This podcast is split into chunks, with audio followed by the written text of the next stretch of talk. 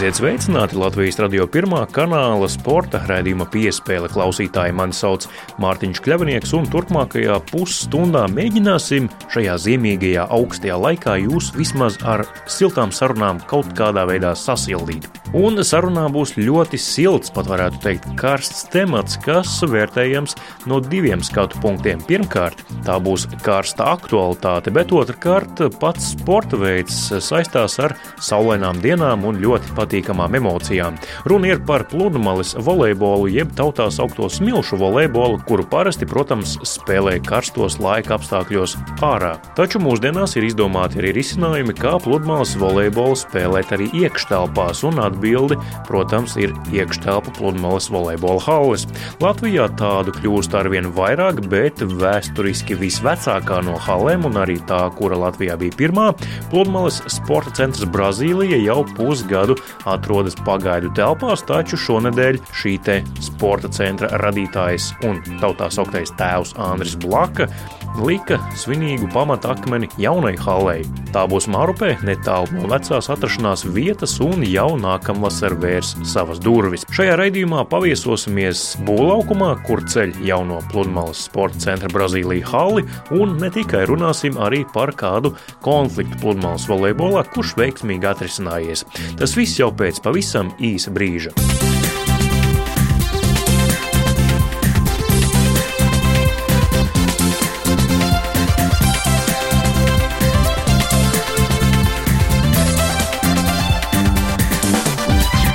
Sporta raidījums piespēle Latvijas radio pirmajā kanālā turpinās, un viss šis raidījums būs veltīts tikai un vienīgi pludmales volejbola tematam.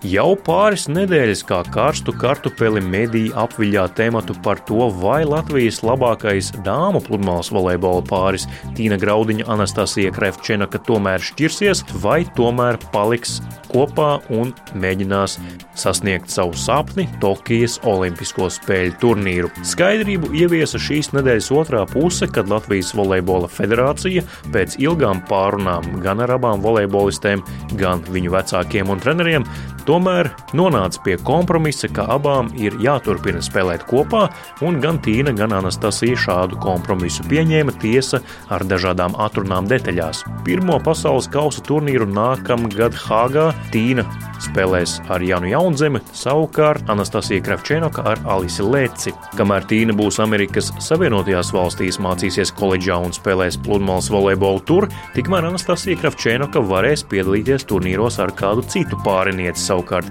brīžos, kad Tīna būs Latvijā, abas spēlēs kopā. Raidījuma turpinājumā visu pirms sarunāsimies ar jaunceļamās pludmales volejbola halles Brazīlija tēvu Andri Blaku, bet pēc tam arī ar citiem pludmales volejbola personāžiem gan par jauno halli, gan arī par Tīnas un Anastasijas konfliktu.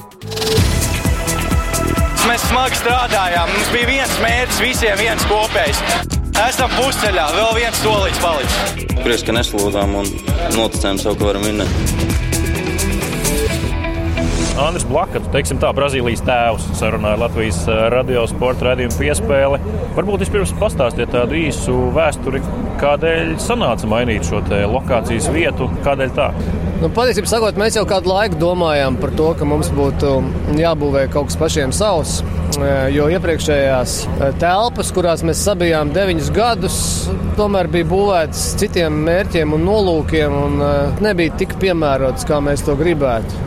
Krieste bija pa zemu, tās buferu zonas ap laukumiem tur nebija īsti labas, nemaz nerunājot par kaut kādiem tur komunālajiem un citiem maksājumiem, kas bija nepiemēroti, neadekvāti un neefektīvi. Līdz ar to principā, sagadījās tā, kad, eh, ka tā māja nomainīja īpašniekus. Eh, mums tas bija pietiekoši labs grūdienis, lai īsā laikā mēs eh, atrastu šo vietu, apzināti izvēloties māru. Kā mēs varam redzēt, projekts taps, būtļaujas ir saņemts un darbs ir sācies.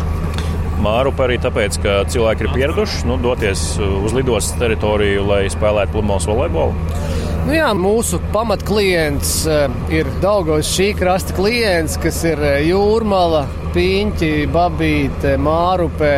Visas šīs Rīgas uh, rajona imanta un pārējais. Mēs zinām, kas pie mums grib spēlēt. Mēs zinājām, ka mēs gribam palikt šī Dāngas krastā netālu no vecās vietas, skatījāmies uz variantiem. Un Mārupē mm, viss tā pieredze rāda, ka mm, sadarbība ar pašvaldību ir visai raita. Investori šeit ir gaidīti, un tāpēc es pagaidām esmu ļoti apmierināts ar vietas izvēli kā būs ar finansējumu avotiem, eh, no kurienes nāk šis finansējums, vai arī pašvaldība iesaistās tajā kaut kā daļēji? Nē, nu, pārāk lielās detaļās es negribētu šeit iet. Pašvaldība neiesaistās eh, ar finansējumu. Eh, šis ir privāts projekts, un šim projektam ir privāts finansējums. Kādas būs atšķirības no tiem, kur atceras vēl veco Brazīliju? Kāda šī būs? Ar ko atšķirsies? Nu, augstāki griezti tā tad būs, kas vēl būs citādi? Jā, mēs visi esam plānojuši tā, lai būtu iespēja ērti noturēt treniņus, trenēties un uh, Eh, tā skaitā arī pat um, rīkot starptautiskas sacensības. Tur sagriežot laukums pa 90 grādiem, mēs varēsim ielikt uh, divus sacensību korpus ar visām nepieciešamajām attālumiem un, un, un zonām, un vēl paliks viens treniņu korpus. Respektīvi, ikdienas lietošanā būs seši laukumi, kas nopietnās sacensībās transformēsies par trijiem laukumiem. Nu, klāt pie tā būs pietiekoši daudz pareizi izplānotas palīga telpas, sākot ar vingrošanas zālēm, dažādām multifunkcionālām telpām, protams, visām ērtām ģērbtuvēm, dušām un tā tālāk. Un būs arī vieta, kur iedzert alu. Ja šo interviju klausās arī kāds nu, tiešām tāds uh, amatieru spēlētājs, kurš vēlēsies nākt uz šejienes un, uh, un spēlēt, un iepriekš varbūt to ir darījis vēl vecajā Brazīlijas vietā, vai uh, viņam aciņam arī būs kādas izmaiņas, nu, tīri par laukumu maksu būs tā augstāka nekā tā bija vecajā Brazīlijā? Nu, pagaidām mēs domājam, ka būs. Um, Tās pašas cenas, kādas bija vecajā Brazīlijā. Mūsu klienti ir mums eh, labi draugi, eh, viņi gaida. Kad mēs atvērsimies kopā ar daļu no mūsu klientiem, mēs esam pārcēlušies pagaidām trimdā uz, uz, uz citu hāli. Ja? Mēs neesam pilnībā aizslēgušies. Tās treniņu grupas, kas, kas trenējās tur, tagad trenējās citā vietā. Un, kad mēs atvērsim jauno hāli, viss atgriezīsies atpakaļ. Un nobeigumā, kad tad, kad tad šeit būs hāli un kad to atvērsim? Plānojās, ka darbi pabeigsies vasaras sākumā, cerēsim uz māja beigām. Vienkārši jāstrādā. Tad gaidām to svinīgo lentes griešanu. Paldies! Vasarā. Paldies.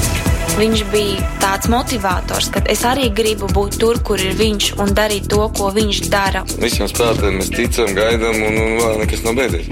Vismaz viens spēle mums noteikti. Jā.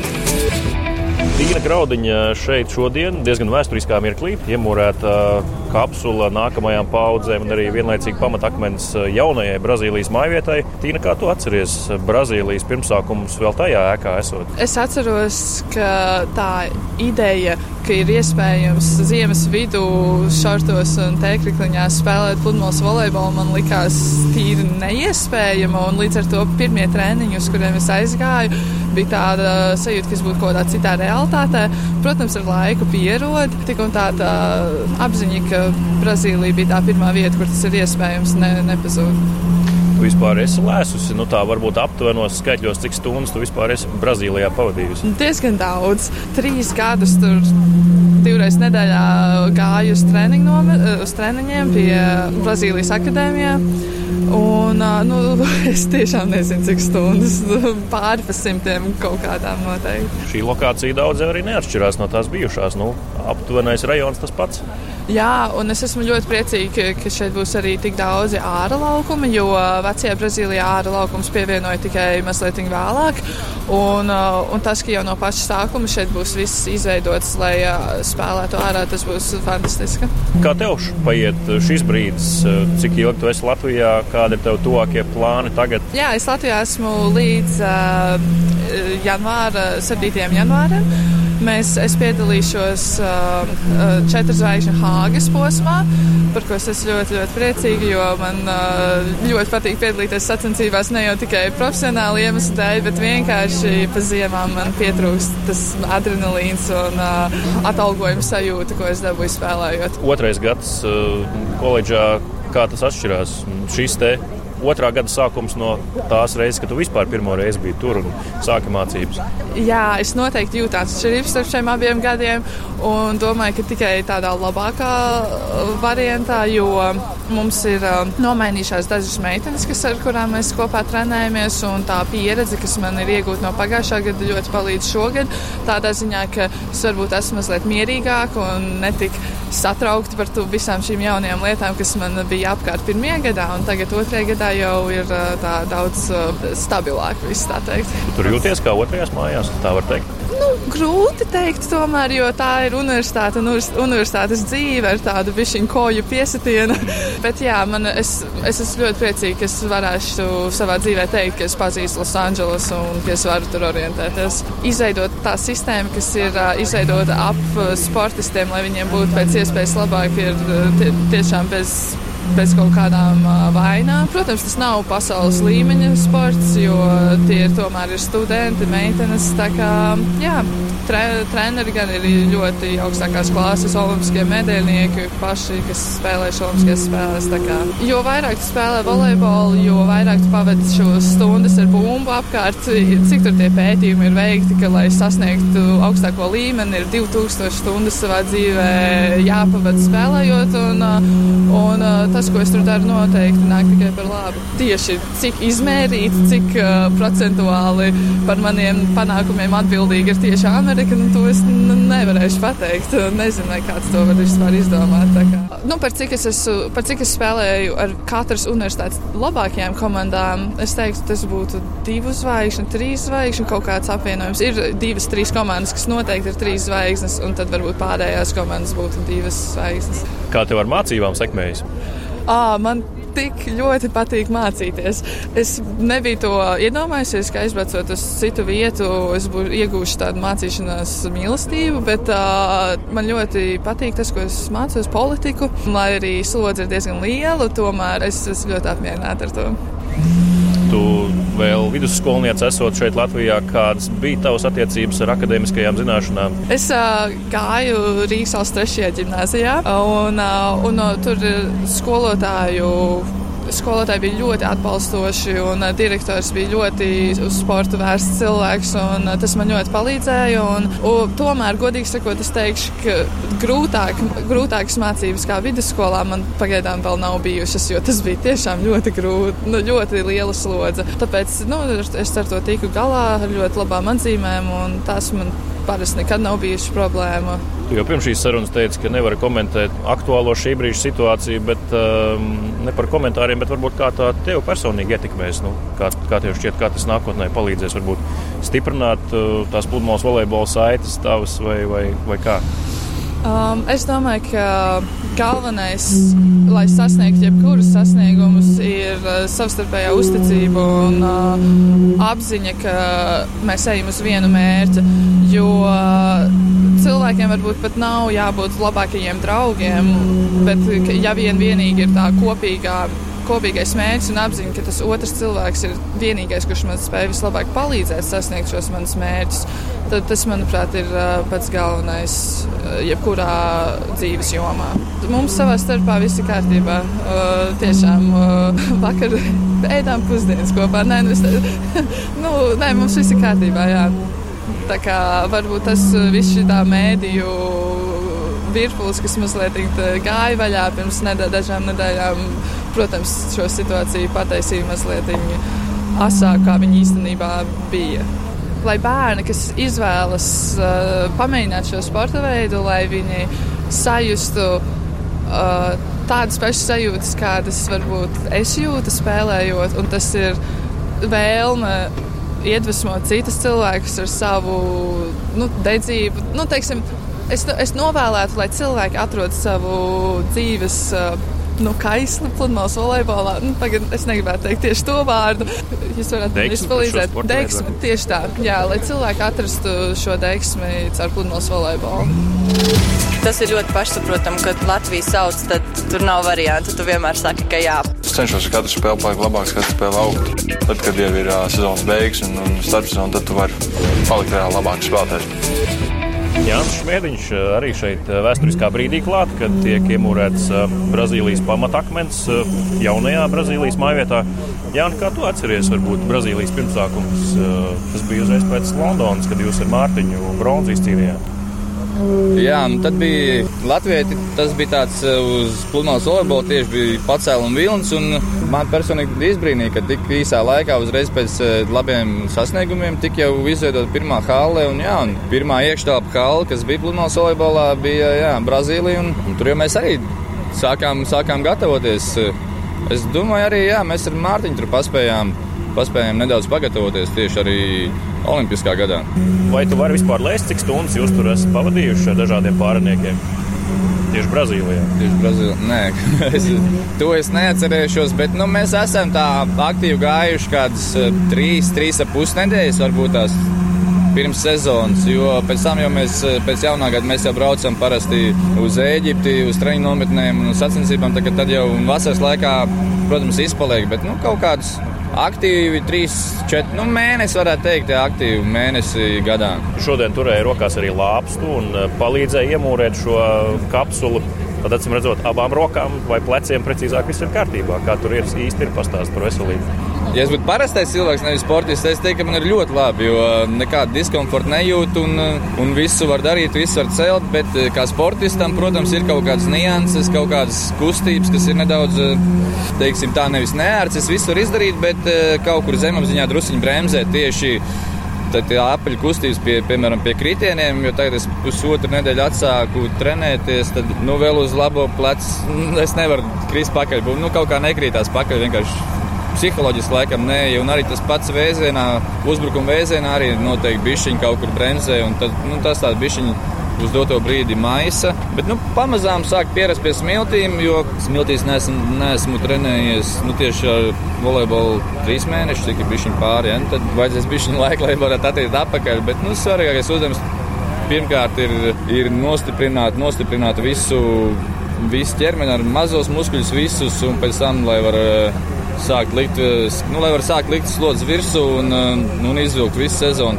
Es domāju, tas pirmais turnīrs, kas būs Hāgā, tas būs tāds, tas nebūs mans, bet es mēģināšu tur izdarīt vislabāko, bet nu, es domāju, tur uz to brīdi es vēl nevarēšu būt atpakaļ tik labs, cik es gribētu. Bet pēc tam jau būs trīs pusnedēļas Eģiptē, un tad jau, es domāju, uz februāru tad jau vajadzētu būt bišķiņ labāk. Vai jūs šobrīd jau uh, gatavojaties kopā ar Sašu, vai tu pagaidām vēl savas lietas ar plecu kārto?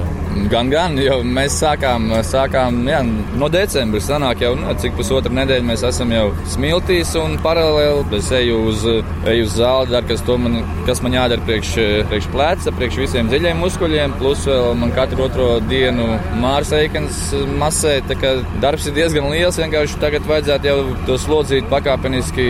Es jau viņas laika audzēju, bet gribās jau ātrāk ātrāk to visu izdarīt. Bet, nu, Māris man bija viņas laika piezīmē, saka, nav kur skriet, nav kur skriet. Bet, nu, tā, kad es aizēju uz, uz volejbola laukumu, tad, protams, uzreiz gribās visu izdarīt. Bet, teiksim, tā nenotiek tā, kā gribās. Gribās to visu dabūt apakaļ ātrāk. Bet, nu, kā Māris teica, tev, tu no jauna atkal to visu sāc darīt, tad nu, tas prasīs nedaudz eh, vairāk laika nekā ierasts. Viņš saka, ka progress ir ļoti labs, bet nu, man kā pašam gribās jau kā bija pirms operācijas. Laiks viņš vēl ir, es domāju, strādāsim. Lau, tu arī nevienu vienu reizi esi mainījis pārinieku savas karjeras laikā. Kā jūs esat saši, varbūt no malas vērojāt šo situāciju ar Tīnu un Anastasiju? Jūs, viņas jums kādu padomu vispār prasīja, jūs tur arī iesaistījāties, vai jūs bijāt tā distancēti no tā visa? Es uzzināju pēc, pēc tam, kas, kad bija ziņu portālos tās ziņas, jo, kā jau es teicu, es līdz decembrim Es vispār biju no visiem atslēdzies tikai ar savu fizioterapeitu un darīju to, kas man jādara. Un, un es, es uz bumbu treniņiem vispār nebiju gājis. Kā, ne, man tas arī bija pārsteigums. Jā, nu, žēl, meitenes. Es domāju, ka meitenēm tas bija ideāls variants, kā viņi varētu tikt uz Olimpiskajām spēlēm. Tagad, ja viņi ceļš šķirās, tad es domāju, ka gan vienai, gan otrai tie varianti ir diezgan, nu, teiksim, tā uz kādiem 40% mazāk nekā bija pirms tam. Tagad, gan esot bijušas sarunas uh, starp viņām abām, arī Volejbola federācija un tas jaunākais info, viņas paliek kopā. Bet nu, šādi arī publiskajā vidē iznesti strīdi, nesaskaņas, uh, kā tas varētu viņas nākotnē ietekmēt. Ļoti daudz gadus pavadījis profesionāli pludmales volejbolā. Kā tu to varētu novērtēt? Jā, es nezinu, kas tur īstenībā ir, kāpēc viņi tur vai nu tās ir mācības vai kas. Bet, nu, Es gribētu atgādināt, kad, es, kad, kad mēs ar Mārtiņu spēlējām Londonā es arī spēlēju zālē visu līdz maijam, un mājā es atbraucu no Vācijas mājās. Patrenējāmies divus, trīs mēnešus un visu, un tad uz Olimpijādu.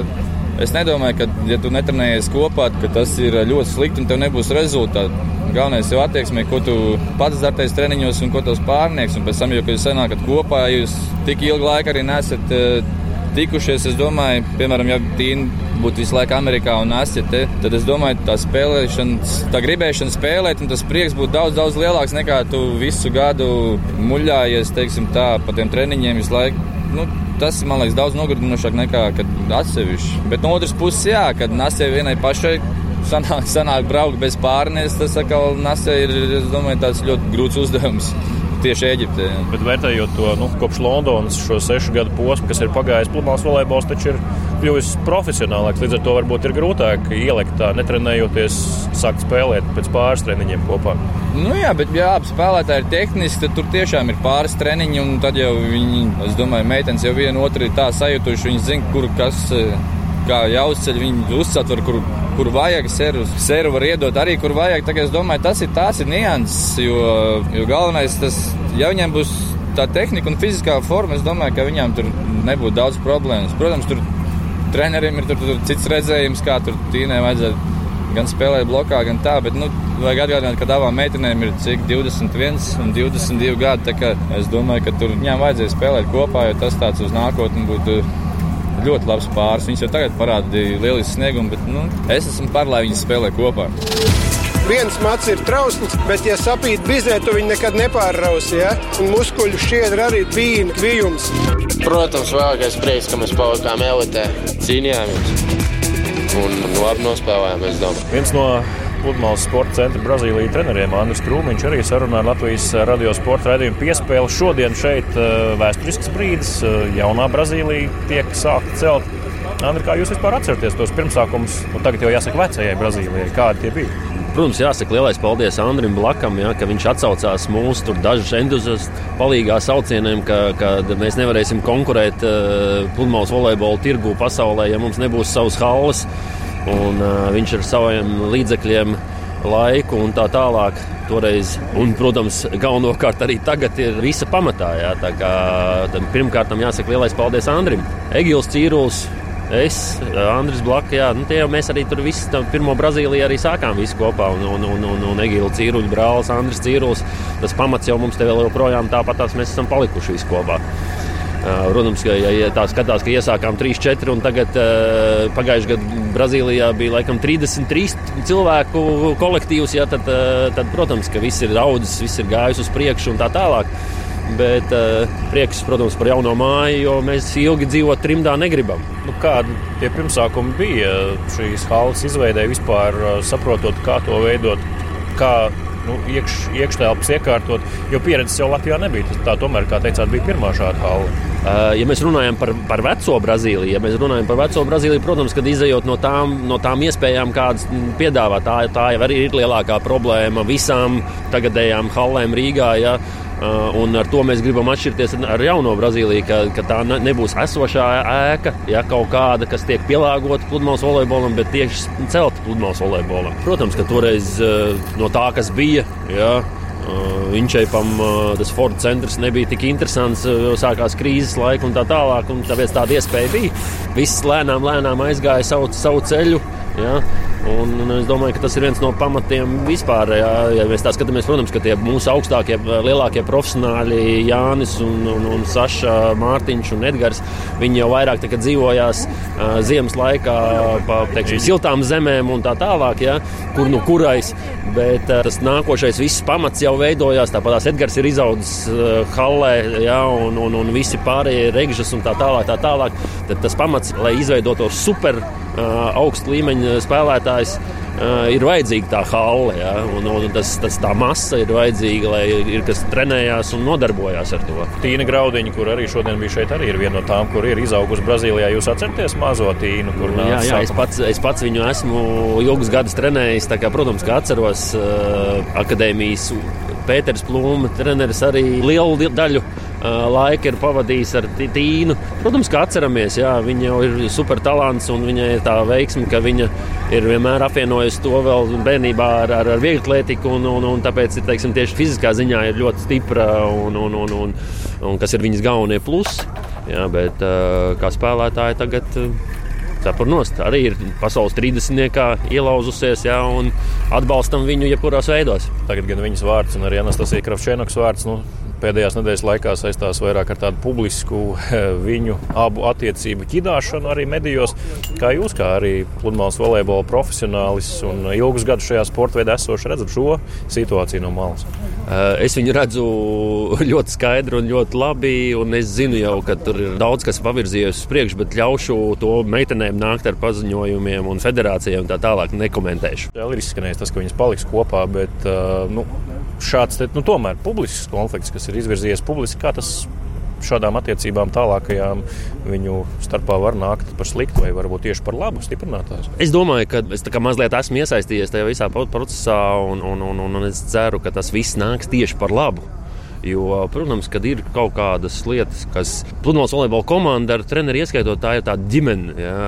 Katrā ģimenē ir kaut kādas mazas krīzītes un tā tālāk. Un ļoti ceru, ka šī krīzīte, kas bija šajā komandā, dos pozitīvu grūdienu visiem. Visi sapratīs savus kļūdas, tad rezultāti būs labāki nekā līdz šim. Es domāju, ka būs viss ļoti labi. Kvalifikācija Tokijai jau ir sākusies. Um, tātad viens dāmas pāris, divu vīru pāri. Kādas varētu būt mūsu izredzes uh, ceļā uz Tokiju? Kā jūs vērtējat? Es gribētu teikt par vīriem, es esmu gandrīz pārliecināts uh, simtprocentīgi. Par meitenēm uz 80% ka Tokijā būs trīs pāri. Tas būtu panākums Latvijai. Divu vīru pāri, vien, viens dāmas duets. Uh, nu, es domāju, zinot vispār, kādas mums ir teiksim, tāda krīze, es, es gribētu viņu nosaukt par krīzi vispār sportā Latvijā uz patreizējo brīdi. Tad, ja aizbrauks seši spēlētāji, aizbrauks uz Olimpiskajām spēlēm no viena sporta veida, pludmales volejbola. Ja, es domāju, ka tas pie mūsdienu pludmales volejbola izaugsmes un rezultātiem un tā tālāk, kas ir pasaulē, cik cilvēki, es negribētu nevienu apvainot tur ziemas sporta veidu vai vēl kaut ko, ja, bet uh, valsts, kas nodarbojās un kādā līmenī nodarbojās. Jā, vairs nav neviena kaut kāda spundura valsts, Dānija vai kas, kas tur, teiksim, klasiskajā volejbolā nemācīja un kādreiz smaidījām par viņiem. Jā. Tagad pludmales volejbolā visās valstīs ir pa vienam, diviem tādiem pāriem, kur ir valsts atbalsti, trenējās pie tādiem treneriem siltās zemēs un tā tālāk. Tā tālāk.